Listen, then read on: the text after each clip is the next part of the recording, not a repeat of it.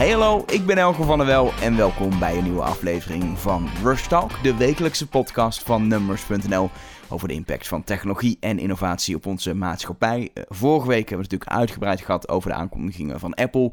En daarvoor onderbraken we eigenlijk een hele interessante serie die we aan het maken waren bij, bij Rush Talk over innovatie in het onderwijs en de rol van eh, techbedrijven daarin. Ik sprak al met, met Google en met Samsung daarover en vandaag gaan we gewoon verder met Microsoft. Bij mij aan tafel zit uh, Ernst-Jan Stichter. Hij is de directeur van Microsoft Nederland en is uh, vanuit die functie, maar ook wel een beetje volgens mij vanuit zijn, vanuit zijn persoonlijke visie, erg betrokken bij, bij onderwijs, innovatie in het onderwijs. Ernst-Jan, welkom. Dankjewel. Um, als eerste vraag, en die stel ik eigenlijk aan iedereen die ik nu heb gesproken. Wat moeten, moeten kinderen en jongeren anno 2017 nou eigenlijk leren op school? Ja, nou daarvoor denk ik dat het goed is als we even een stapje terugzetten. Want uh, ja, er is zoveel te doen. Hè? Waarom nee. nou leren? Wat is nou het belang van leren? Kijk, uiteindelijk uh, willen we dat onze toekomst er goed uitziet. Economisch, maatschappelijk. Hè? En, en we willen allemaal dat digitaal.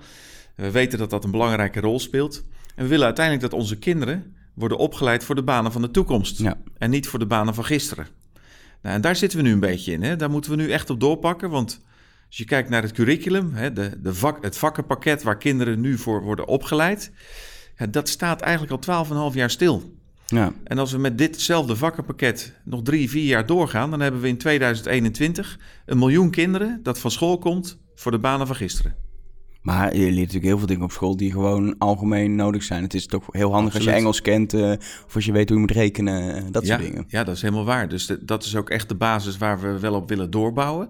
Maar de component digitaal, we onderscheiden daar twee assen eigenlijk in. Hè. Je hebt, als ik het even in uh, wat makkelijkere taal uh, uitzet, dan heb je mensen nodig die onder de motorkap kunnen kijken.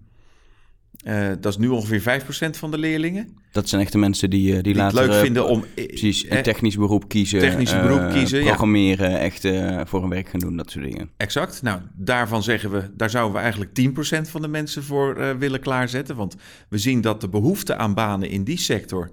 echt vele malen groter is dan vandaag. Dus daar zit groei in. Ja. En dan heb je de andere 90%. Dat gaat eigenlijk over het verweven van digitaal... in alles wat we doen. He, dus benutten we nou eigenlijk de digitale mogelijkheden als we een gymles doen? Noem maar iets geks. Je zou denken, gymles, gymles, wat heeft dat met digitaal te maken? Nou ja, he, ik heb altijd geleerd, als je uh, mensen wilt meekrijgen, moet je het leuk maken. Ja. En digitaal is natuurlijk altijd een beetje stoffig geweest. Mensen hebben dat niet altijd leuk gevonden. Meisjes vinden het ook helemaal niet leuk.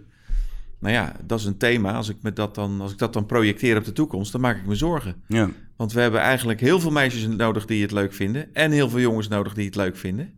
Maar ja, wat moet je dan doen? Hè? Hoe komt het nou dat we staan waar we staan? Dat is eigenlijk ja. de vraag waar ik altijd begin. Je, raakt meteen ongeveer alles wat ik het komende half uur met je wil bespreken. Dus dat is op zich heel goed. Maar laten we stapje voor stapje daar, daar, daar dieper op ingaan. Want we kunnen niet alles tegelijk doen. En het eerste wat ik, waar ik heel benieuwd naar ben, is... Um, uh, je hebt het over die, over, die, over die brede digitale vaardigheden eigenlijk. digitaal overal instoppen.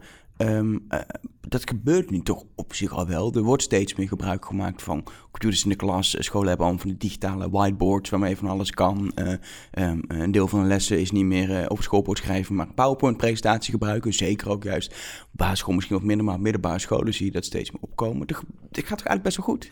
Ja, dat gaat ook. De, ik ben ook een persoon die altijd zegt, glas is half vol. Hè? Dus hou me ten goede, dat is waar, waarvoor ik sta.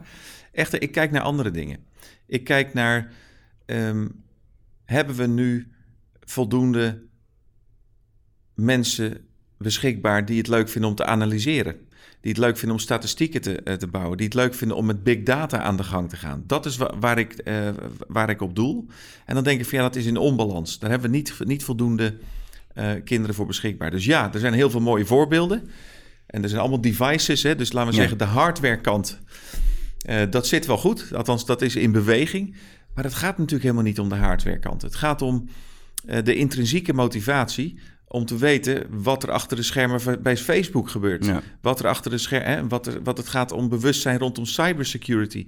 Dus dat is meer een, een bewustwording rondom digitaal, waarvan wij zeggen dat is niet op het niveau waar het zou moeten zijn. En, en eh, heel veel mensen zijn het volgens mij wel met je eens. Uh, ja. natuurlijk, je hebt natuurlijk gewoon oude leraren van 60 die denken het zal mijn tijd duren. Ik wil gewoon met een krijtje op een bord uh, rekenen uitleggen en daarna dan ga ik met pensioen. maar maar de, weet je, het wordt veel over gesproken. Veel mensen zijn het mee eens. Alleen de vraag is hoe? En dat is natuurlijk altijd lastig, want we kunnen heel lang daar een soort filosofisch over praten dat het zou moeten. Maar, maar concreet, hoe ga je het onderwijs veranderen? Ja. Ja, nou daarvoor hebben wij als Microsoft Nederland eigenlijk eh, de handen ineengeslagen uh, een jaar geleden. En we hebben gezegd, we willen met onze 7500 partners die we in Nederland hebben, die bij elkaar zo'n 65.000 mensen vertegenwoordigen, willen we toch eigenlijk meer doen dan alleen maar deelnemen in praatgroepen. Ja voor, voor, de duidelijkheid, eh, partners van Microsoft zijn bedrijven die Microsoft uh, diensten weer verder aanbieden, gebruiken in, ja, die in de hele maatschappij, bouwen, in de hele economie. Ja, dat zijn bedrijven die oplossingen bouwen op ons platform. Ja. En uh, ja, wij vinden dat het Nederlands landschap rondom educatie behoorlijk versplinterd is. En dat eigenlijk het laatste waar behoefte aan is, weer een praatgroep. Hè? Dus, dus daar zijn we niet van. Dus we hebben gezegd, wij gaan ons richten om dingen te doen. Wij willen dingen doen. Dingen doen om het uh, awareness, eh, te vergroten rondom het belang. Uh, om meer te doen met digitaal. Maar ook om hele tastbare, leuke resultaten neer te zetten. Bijvoorbeeld het aantal kinderen dat simultaan aan het coderen is. Daar het wereldrecord voor verbreken, bijvoorbeeld. Of uh, het bouwen van een curriculum voor een leraar. Hoe die met inzet van de best practices die er wereldwijd zijn. een versnelling kan maken op dit terrein. Ongeacht de leeftijd, ongeacht het aantal dienstjaren. En we doen dat dan hier op kantoor, we doen dat bij scholen.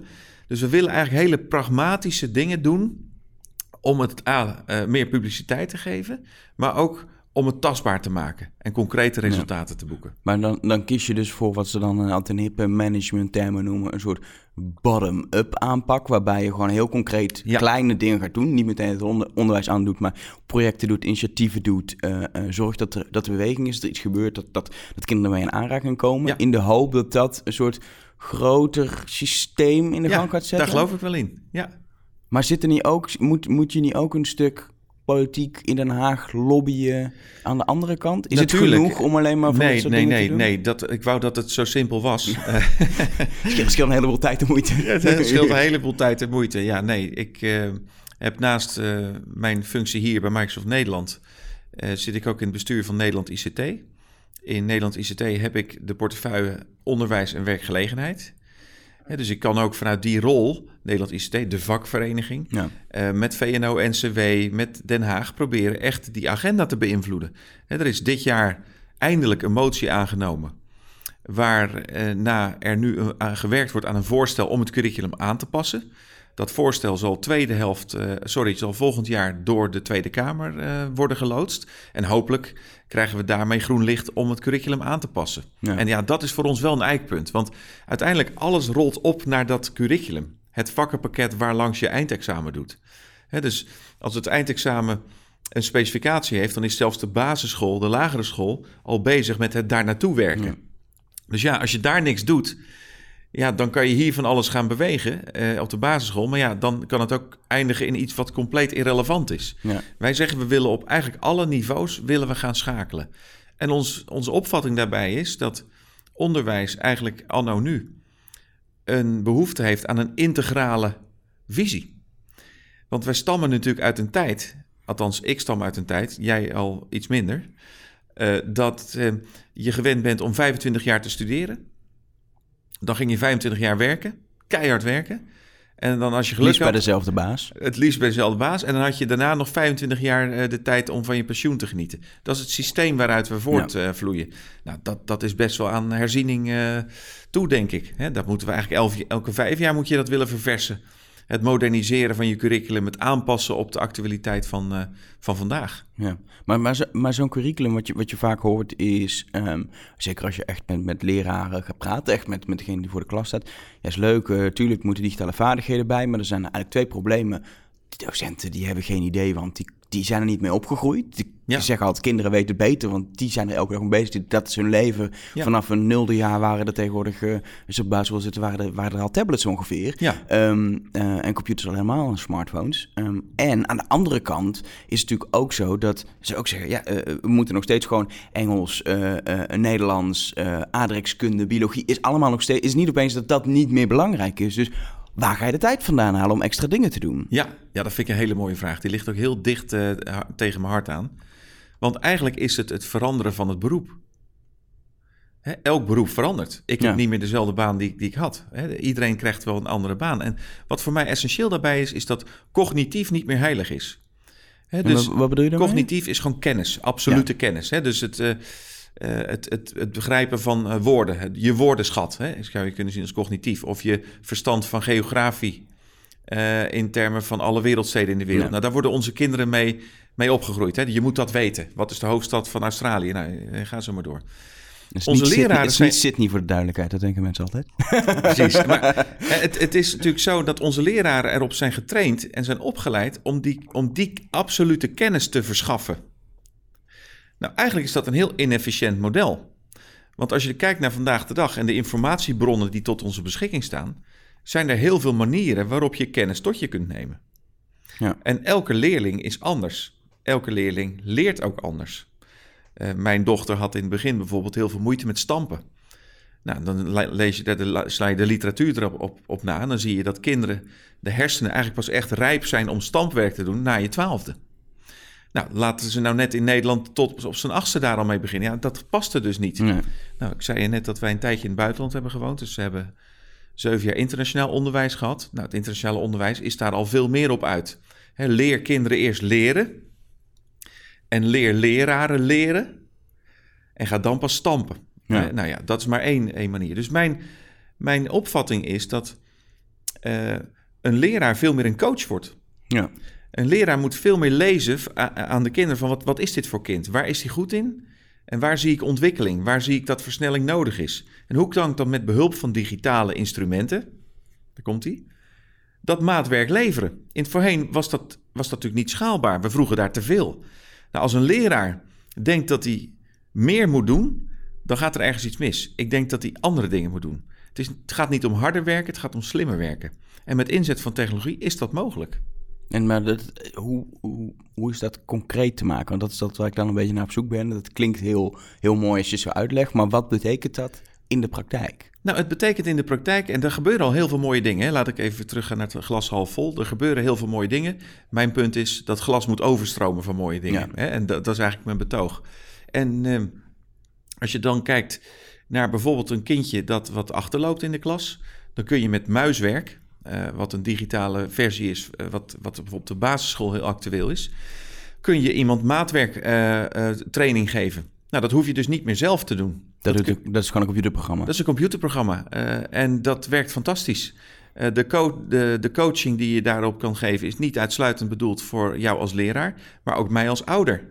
Dus ik zie de uitkomsten van het muiswerk dat mijn dochter doet om in te lopen op het gebied van taal. ja. Dat vind ik leuk.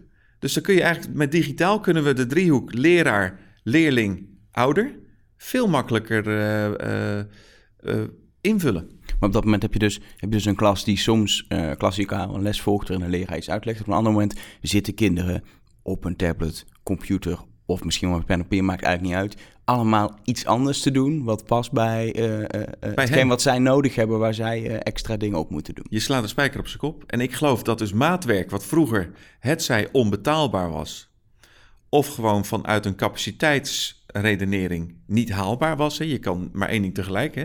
Stelden we vaak het curriculum, de leraar en de inhoud centraal. Ja. En ik denk dat wat we nu doen, is we stellen het leren centraal. En iedereen is anders. Iedereen heeft andere kwaliteiten. En ik denk dat we daar nu op kunnen doorbouwen. Dat is hartstikke mooi. Iedereen is ook anders. Iedereen heeft andere kwaliteiten. En die classroom zou dus eigenlijk een soort live coachingsmoment kunnen zijn voor iedereen, met elkaar.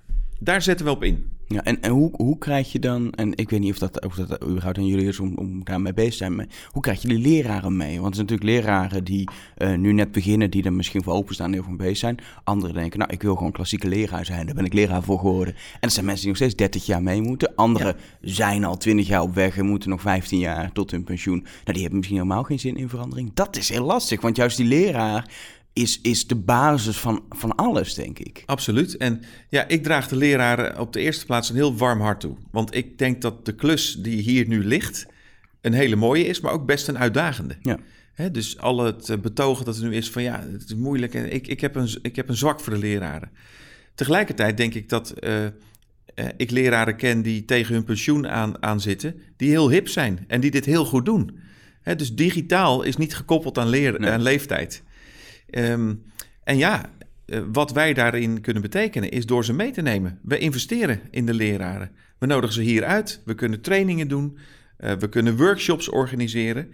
Maar uh, wat ik nog wel eens wil herhalen is: het gaat niet om de inhoud alleen. Het gaat ook een vermogen om te coachen. Wat voor vragen kun je stellen? Ja, ik bedoel, ik ben geen pedagoog. Ik wil ook hier niet nu de pretentie wekken dat wij allemaal weten hoe het moet. Maar ik geloof wel dat door dialoog met elkaar we hier uh, stappen in gaan zetten. Ja. En, dus pragmatisch. En, ja, en je zegt, hey, we nodigen leraren hier uit. Lopen hier dagelijks leraren rond? Of moet ik dat, hoe nee, nog, nog niet, maar dat zou ik wel heel graag willen. Hè. We, zijn nu, uh, we hebben een curriculum samengesteld vanuit de, de best practices die we wereldwijd zien. Nou, dat hebben we gewoon publiek. Dat is vrij. Dat is allemaal publieke informatie. Die is ook toegankelijk voor iedereen. Maar we vinden het leuk om daar op maandelijkse basis uh, met leraren over in gesprek te gaan en daar workshops op te organiseren. Nou, dat, dat gaan we doen. Ik gaf je net al aan, van, ik vind het ook leuk om iets uit de toekomst vast te ja. pakken. Maar ga ervan uit dat nadat de verbouwing hier klaar is, wat zal zo rond maart, april zijn, dat we ook hier ruimtes hebben die heel erg uh, geschikt zijn juist om dit soort workshops te gaan geven. Echt gewoon uh, ja, een klaslokale. Een klaslokale, ja. Klaslokale uh, voor bijvoorbeeld basisscholen, waarbij je als leraar je klas gewoon eens een keer hier naartoe mee kunt nemen. En nogmaals, we, we pretenderen niet dat we dan weten hoe het moet, maar we suggereren wel hoe het kan. En we denken dat daarmee, zeker met enthousiaste leraren, waar we er ook heel veel van hebben in Nederland, ja, dat we dan die beweging op gang gaan krijgen. Ja. Maar mensen hebben misschien nu een beeld dat jullie dan hier leraren uitnodigen in groepjes van een school die jullie een cursus Excel gaan geven. Maar dat is, dat is niet helemaal, denk ik, wat de bedoeling is. Nee hoor, dat is niet wat de bedoeling is. Nee, alhoewel ik uh, een enorme fan ben van Excel. Uh, dat zal je niet verbazen. Ik denk dat, dat uh, een wereld zonder Excel had er ook anders uitgezien. En ik denk dat het ons ook helpt om een aantal dingen in ons privé en, en zakelijk werk te, bereiken. Maar dat is inderdaad niet waar het, eh, waar het centraal om gaat. Het gaat erom wat voor tooling is er nou beschikbaar om een klas met 30 kinderen uh, maatwerk te geven. Ja. Nou, daar zijn hele mooie dingen voor, uh, voor beschikbaar. Microsoft Teams vind ik een van de dingen waar ik een enorme fan voor ben, van ben. Ook in mijn eigen dagelijks werk. Voor de mensen die het niet kennen, het is een soort uh, chatprogramma binnen een zaak vergelijkbaar met wat misschien mensen ook kennen, Slack eigenlijk. Ja, inderdaad. de, de, losse kanalen heb je. Um, je hebt losse je, kanalen. Je kunt in, uh, in twee minuten tijd kun je een groepje maken ja. met mensen die op een vakgebied bijvoorbeeld een taak krijgen. Hè? Dus je kunt zeggen in de klas, jullie vieren gaan een presentatie geven over milieu volgende week. Um, en zoek het uit. Nou, ja. Dan is het heel leuk dat je als leerling teams kunt opzetten. Dat is een online omgeving, omgeving ja. waar je presentaties kunt delen. Je kunt documenten uh, daar opslaan. Je kunt filmpjes opslaan. Je kunt met elkaar chatten. Je kunt met elkaar skypen. Nou, en dat allemaal in een secure omgeving. En dat vind ik wel iets wat natuurlijk vandaag de dag belangrijk is. Het is een hele veilige omgeving om dat heel snel op te zetten, maar ook om weer op te doeken. Dus dat is maar één voorbeeld. Daarmee kun je als leraar teams aan het werk zetten. He, want nogmaals, het is natuurlijk ook weer niet reëel om te verwachten dat je 31 keer iets anders kunt doen nee. hè, als leraar. Dan word je helemaal gek. Dus het is wel leuk om te zeggen, hey, er zijn hier vijf groepjes. Er is een groepje dat met milieu bezig is. Er is een groepje dat met duurzaamheid bezig is. Er is een groepje dat met economie bezig is. Nou, dan kun je dat als leraar heel goed managen en overzien. Ja, en dan kan je natuurlijk ook de krediet krijgen uh, of de vraag stellen. Weet je, uh, moet Microsoft nou heel actief met onderwijs bezig zijn. En is het niet gewoon een manier om dan inderdaad uh, te zorgen dat in klassen Microsoft Teams wordt gebruikt, dat ze Windows, laptops of tablets gaan gebruiken. Dat, is misschien de kritiek die jullie wel krijgen. Van, ja, het is gewoon een commercieel belang om, uh, om ze zeggen, nou willen beter onderwijs, maar stiekem zit natuurlijk gewoon geld. Kijk, wij zijn een beursgenoteerd bedrijf uh, en daar zijn we trots op. We hebben denk ik een hele mooie visie. Enable people and businesses around the world to achieve more. En waar wij dus heilig in geloven, is dat technologie jou beter kan maken. Of jou meer kan laten bereiken. Of jou een betere muzikant kunnen maken. Of jou een betere analyticus kunnen maken. Of, nou ja, noem het maar op. Daar geloven wij in. Dat is ons bestaan. Dus ik ben er trots op dat ik die vak en, dat vak en die missie vertegenwoordig. En wat is er dan mooier dat je dat ook op scholen uh, al kunt uh, bezigen. En niet door alleen maar uh, ja, bits en bytes over de markt heen te storten, maar er zelf ook echt actief mee bezig te zijn. En waarom doen we dat? Omdat we geloven dat dat goed is voor de economische groei, maar ook goed voor de maatschappelijke ontwikkeling. Digitaal is natuurlijk ook niet meer weg te denken. Ik bedoel, dat zal jou niet verbazen. Nee, zeker. Dus in die zin vind ik ook dat we een verantwoordelijkheid hebben. Hè? Dus aan de ene kant, ja, natuurlijk zijn wij een bedrijf. Maar dat neemt niet weg dat we ook een verantwoordelijkheid hebben. En die nemen we dus ook. Ja, het is dus een combinatie eigenlijk. Aan de ene kant zit er gewoon commercieel belang aan. Niet voor niks dat jullie afgelopen jaren bijvoorbeeld Windows 10S hebben geïntroduceerd, uh, gericht op onderwijs, denk ja, ik. Ja. Uh, maar aan de andere kant is het inderdaad ook gewoon, uh, je bent een bedrijf wat zoveel impact heeft op de maatschappij dat je je steentje moet bijdragen. Ja, ja, en niet alleen wij, maar dat doen we dus nogmaals. Hè, elke dollar die wij verdienen, daar gaan er negen van naar onze partners dat zijn Nederlandse bedrijven, er zijn er 7500 van.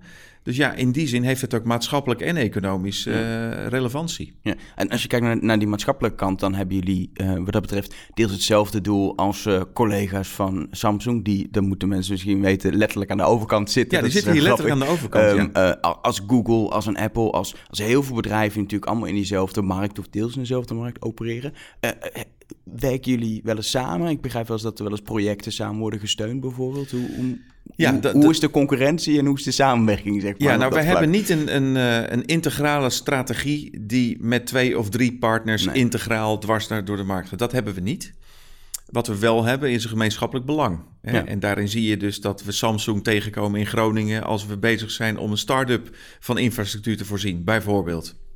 Uh, dus ad hoc komen we elkaar tegen en dan. Uh, ja, dan, dan werken we gewoon heel goed samen natuurlijk. Ja, omdat jullie het, hetzelfde doel hebben. Ja, we hebben hetzelfde doel. Zou je niet meer, dat is natuurlijk een heel moeilijke vraag, maar zou je niet meer kunnen bereiken als je gewoon echt de handen in één zou slaan en zegt, waar wil het onderwijs beter maken met, met alle techbedrijven die in Nederland bezig zijn en we denken dat zo en zo te gaan doen? Nou ja, de Nederlandse techbedrijven zijn vertegenwoordigd in Nederland ICT, hè? dat is de vakvereniging. Ja.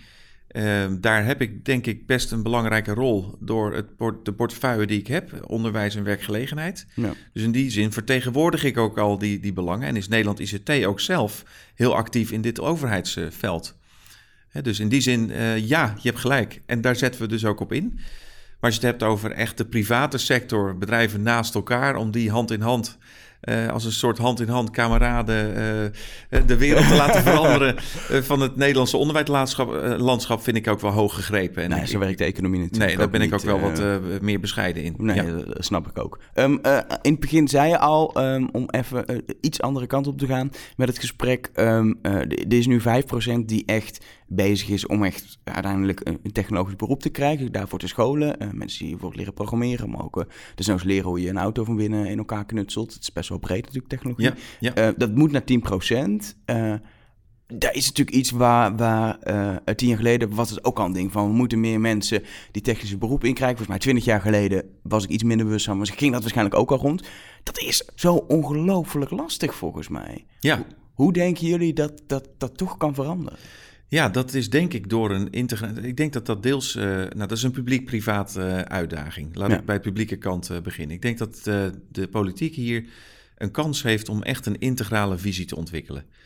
Hoe zien nou de banen van 2025 eruit in Nederland? Laten we dat debat maar eens hebben. Welke banen zijn er wel? Welke banen komen erbij? Welke banen gaan er weg?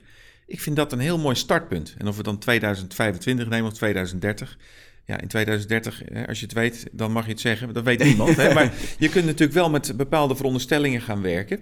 Waarlangs je zegt, nou, dat is dus. Uh, dat kunnen we als volgt karakteriseren. En waarom zeg ik dat? Omdat als je dat op een te kort tijdsveld zet en je gaat acties uitzetten, je wordt als het ware te tactisch. Ja, dan word je steeds door de realiteit ingehaald. En dat is denk ik wat er de afgelopen 10, 15 jaar gebeurd is. Ineens zie je een impuls van, uh, jongens, we moeten meer uh, stem of meer beta-leerlingen gaan werven. We gaan er zwaardere subsidies opzetten bij de universiteiten. We gaan strakkere wervingsprogramma's doen. Dat hebben we allemaal gezien. Maar als dat niet wordt opgevolgd door een aansluiting op de basisschool of op de middelbare school, waarna de aanwas voor dat soort studenten toe gaat nemen, ja, hè, dan ben je eigenlijk heel duur uit. Heb je een mooie wervingscampagne gedaan, maar ja, in de klas zit iedereen van, nou, ik weet het niet. Weet. En daarvan zeg ik nou juist, dat moet je juist integraal doen. Dan zeg je, dat is wel hoog gegrepen en heel abstract. Dat is het ook. Maar ik vind het wel onze plicht als politiek om een lange termijnvisie te hebben op onderwijs. En het is eigenlijk niet eens op onderwijs, het is lange termijnvisie op banen van de toekomst. Op, op eigenlijk alles in uh, basis van het leven bijna, Juist. van onze maatschappij. Juist, en daar pleit ik ook voor. En dat is ook gelijk het moeilijkste. We zijn nu bezig met Groningen om te kijken of we daar niet een pilot-provincie van kunnen maken. Om met samenwerking met de provincie en het lokaal bestuur van lager onderwijs, middelbaar onderwijs, hoger onderwijs en universiteit, of we daar niet een soort practicum van kunnen maken om te zien hoe zouden we dat nou eens kunnen doen. En dat eigenlijk uh, met elkaar te ontwikkelen. Dus experimenteren, dingen doen. Ja. Meer doen, minder praten. Minder praten. En um, uh, um, je, je, zegt al, het is heel moeilijk om te zien hoe, hoe die toekomst eruit ziet. Uh, er is ook veel over gediscussieerd. En volgens mij moeten we de discussie niet gaan voeren, want er wordt een los gesprek van een half uur. Maar uh, het idee is wel, er gaan inderdaad banen verdwijnen, overgenomen worden door, zoals ze dat noemen, robots. Maar dat zijn vaak ook gewoon algoritmes in de achtergrond. Ja. Um, maar het is zo moeilijk om daarop te anticiperen. En wat je zegt, je leidt nu iemand op, iemand die nu aan de basisschool begint, die gaat over misschien 20 jaar 15 jaar als je geluk hebt de arbeidsmarkt op. Je weet, je weet niet, je kan nu niet echt anticiperen op wat er dan gebeurt, omdat niemand het weet. En dat, maakt, dat maakt heel onderwijs toch heel lastig, juist omdat er zo'n grote verandering aan de gang is. Eens. Wat je wel weet is dat de kans dat er behoefte is aan beta in de toekomst is groter dan dat er behoefte was aan beta in het verleden. Dat is wat we wel weten. Dus alleen al als we dat nemen, dan weet je eigenlijk al genoeg. Maar, maar, moet je dan, maar moet je dan bijvoorbeeld ieder kind op basisschool al leren programmeren? Vind ik wel, ja. Ik zou daarvoor zijn. Ik zie daar geen nadeel in. Voor mij is programmeren net een taal. Zoals je Frans, Duits en, en nou ja, welk ander vak hebt. Programmeren is ook een taal. Ja. En wat is er tegen om dat anno 2017 vast in het basispakket te hebben? Ik zie alleen maar upside, zoals we dat hier wel eens noemen. Ik zie alleen maar voordeel. Laat ik een voorbeeld noemen. Uh, we hadden het net over die gymles. Nou, gymles, dan denk je dat is fysiek. Uh, daar moeten we vooral zo houden. Ben ik het mee eens.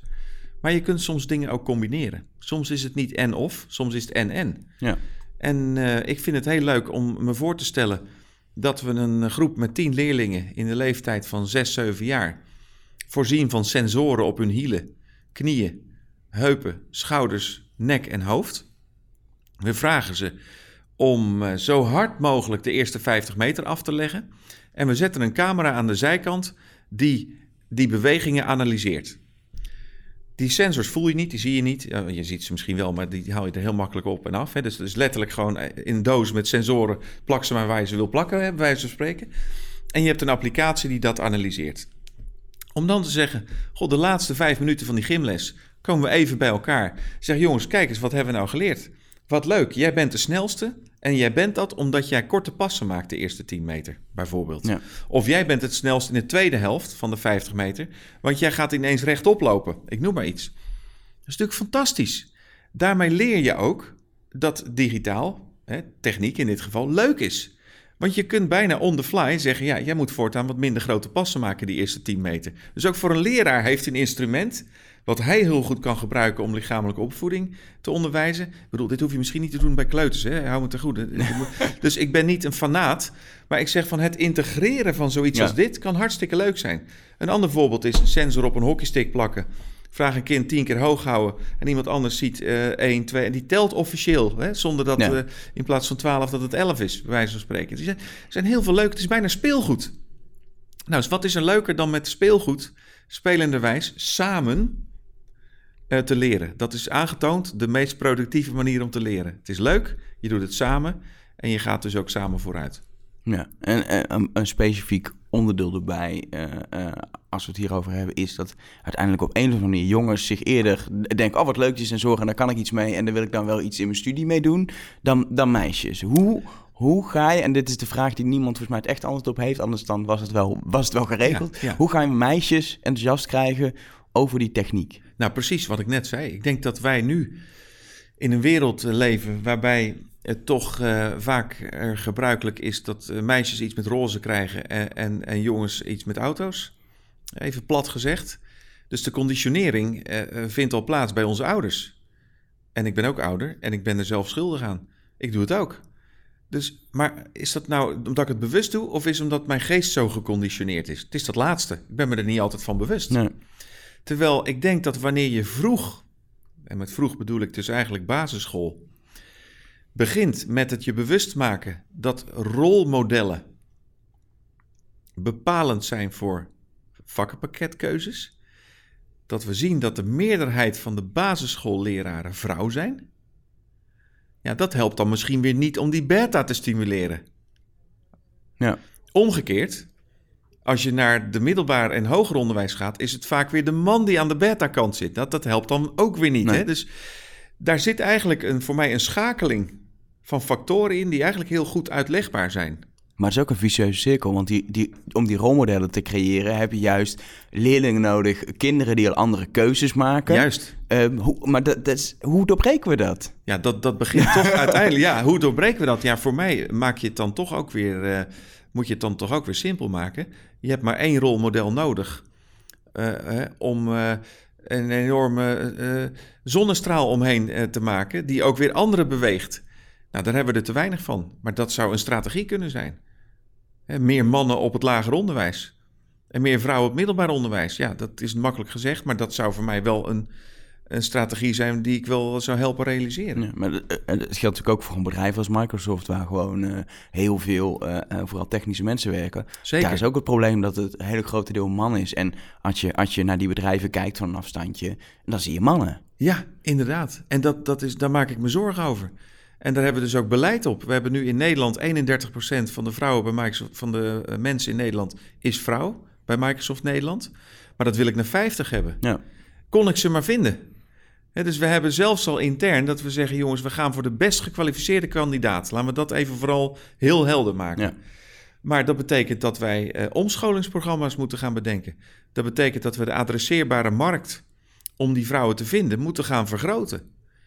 Nou, daar maken we ons dus ook echt druk om. Ja. En daar hebben we activiteiten voor die, die, die daarop inzetten. Ja. Het is wel grappig, je, je zegt omscholingsprogramma's. Dat is sowieso iets wat je steeds meer hoort. Dat het eigenlijk niet meer mogelijk is om Nee. iemand in de eerste 20 jaar van zijn leven op te leiden voor, voor, de, voor de 50 jaar die daarna komen. Omdat er zoveel continu verandert. Helemaal eens. Eh, Moeten we, moeten we niet het hele idee van onderwijs überhaupt in, in, het, in, in het leven anders gaan zien? Ja, daar ben ik eh, absoluut voorstander van. Hè. Nu, om even terug te komen op die 25, 25, 25. Ja.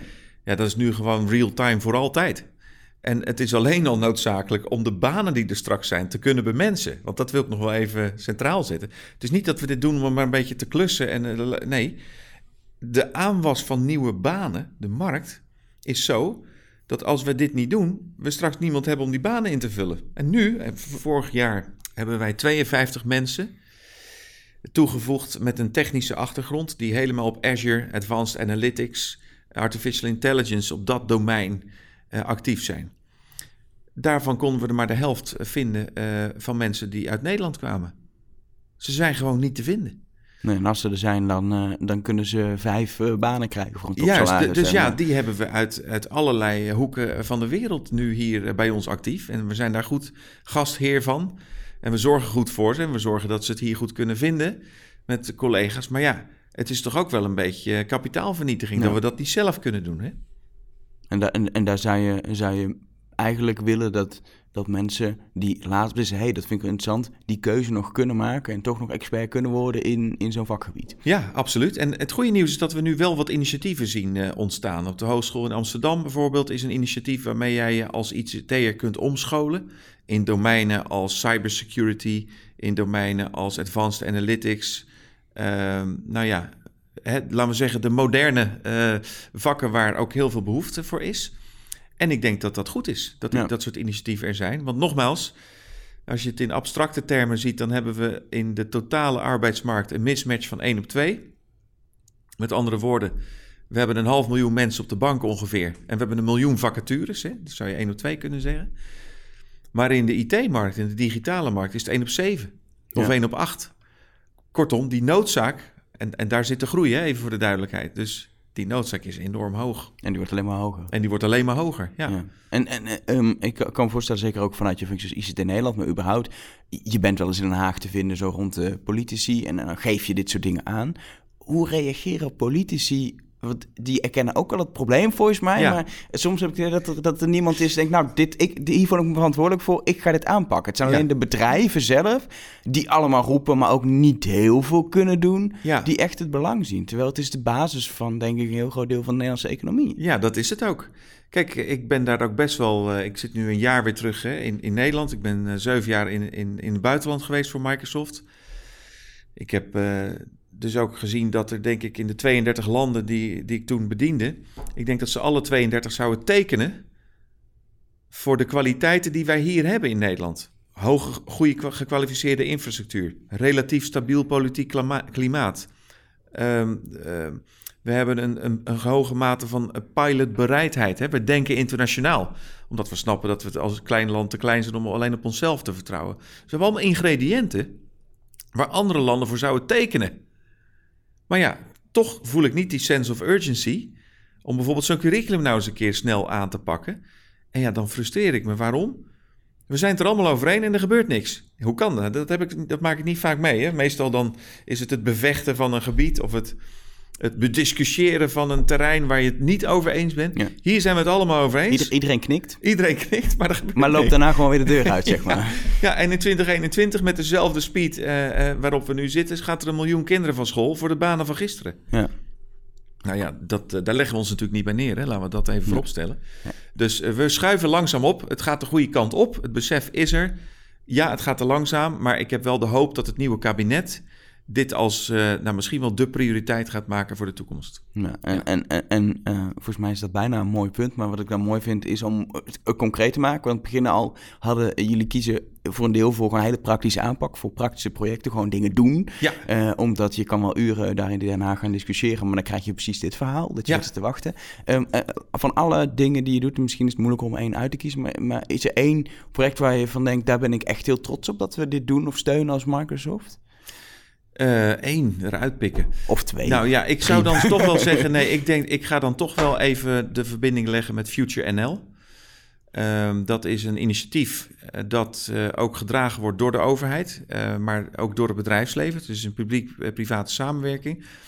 En Future NL is er echt op uit om, zeg maar, digitaal te democratiseren de, de, de klas in. en, en, en de leraren daarin te kennen. Nou, daar werken we enorm veel mee samen. Uh, dus dat is wel een initiatief wat we vorig jaar zijn uh, gestart. Uh, wat vorig jaar ook gelanceerd is rond deze tijd. is bijna een jaar oud, denk ik inmiddels. Waarmee echt industrie en overheid samen oplopen om nu, om nu hier, hier het verschil te gaan maken. En daar zet ik me ook persoonlijk voor, voor in. Dus dat is echt een hele mooie. Daar komen dingen uit als codeuur dingen als uh, uh, het wereldrecord verbreken van samen coderen. Ja, even, even codeuur concreet. Dat is een, een, een project waarin leerlingen uh, gewoon even een uur letterlijk Precies. gaan programmeren. Ja, en dat was een initiatief dat stond op zich. Dat is nu opgerold in Future NL. En dat is nu eigenlijk een wat uh, steviger platform waarmee we ook uh, duurzamer dit soort initiatieven kunnen gaan voortzetten. Daarnaast vind ik het gewoon heel leuk om zelf ook naar scholen te gaan en, en zelf met klassen, met leerlingen bezig te zijn, met leraren bezig te zijn. Dus ik ben een ja, schouders, hoe noem je dat? Een ehm, rolling up the sleeves persoon. Ik vind het leuk om dingen te doen. En uh, daar heb ik mijn handen vol aan. En dat doe ik hier niet alleen. Er zijn ook bijvoorbeeld 100 gastdocenten. Dat zijn mijn eigen collega's die zich op vrijwillige basis hebben aangemeld om als gastdocent uh, bij hun klas in de buurt uh, hiermee te helpen. Dus ik, en, da en daar maken jullie ook tijd vrij als daar, Microsoft daar wij, om ja, gewoon uren te maken om Precies, te doen. Daar, daar krijgen mensen tijd voor. Daar betalen wij voor. En dat mogen ze lekker in, een, in onze tijd, in de, de, de tijd van de baas mogen ze dat doen. En als, als, nou, als nou gewoon alle, alle andere bedrijven die enigszins met technologie bezig zijn, dat voorbeeld zouden volgen, dan zijn we toch een heel end, denk ik. Of dat niet? denk ik ook, ja. Daar, daar geloof ik in. Dus ik ben een optimist. Ik denk, dit is iets, dit is te mooi om los te laten. We hebben alle ingrediënten in Nederland om het icoon te worden van digitale transformatie. Ja, en dat gaan we dus met elkaar dus ook realiseren. Nou, ik vind het een mooi moment om af te sluiten. Dankjewel. Nou, jij bedankt. En daarmee komt er een einde aan deze editie van Rush Talk. Er zijn nog een paar dingen die ik even moet meedelen qua huishoudelijke mededeling. Uh, natuurlijk is er volgende week nog een laatste aflevering in deze vierdelige serie over innovatie in het onderwijs. Um, dan gaan we het hebben over Apple. Eigenlijk het laatste techbedrijf nog een beetje mist in het rijtje tot nu toe. Um, dat is wel bijzonder, want Apple heeft in Nederland eigenlijk geen woordvoerders om over uh, zaken te praten. Maar ik heb toch een manier gevonden om uh, met iemand te spreken over uh, wat Apple doet op, uh, op onderwijsgebied. Wordt echt heel leuk volgens mij. Um, voor deze aflevering geldt, heb je wat te melden, wil je reageren, dan kan dat altijd via Facebook, facebook.com slash numrush. Kun je gewoon even chatten met de redactie, berichtjes sturen. Je kan maar ook altijd een tweetje sturen via het numrush of persoonlijk via het Elger. Je kan een review achterlaten in iTunes. En wat ik altijd heel fijn vind, is dat je denkt, hey, dit vond ik een leuke podcast, die ga ik eens delen met vrienden. Veel mensen doen dat niet. Het is niet echt iets wat je snel deelt. Maar het helpt ons wel om meer mensen kennis te laten maken met de Rush Talk. En te zorgen dat ze Rush Talk kunnen blijven maken. Dus deel het vooral en laat weten wat je ervan vindt. En dan spreek ik je volgende week weer.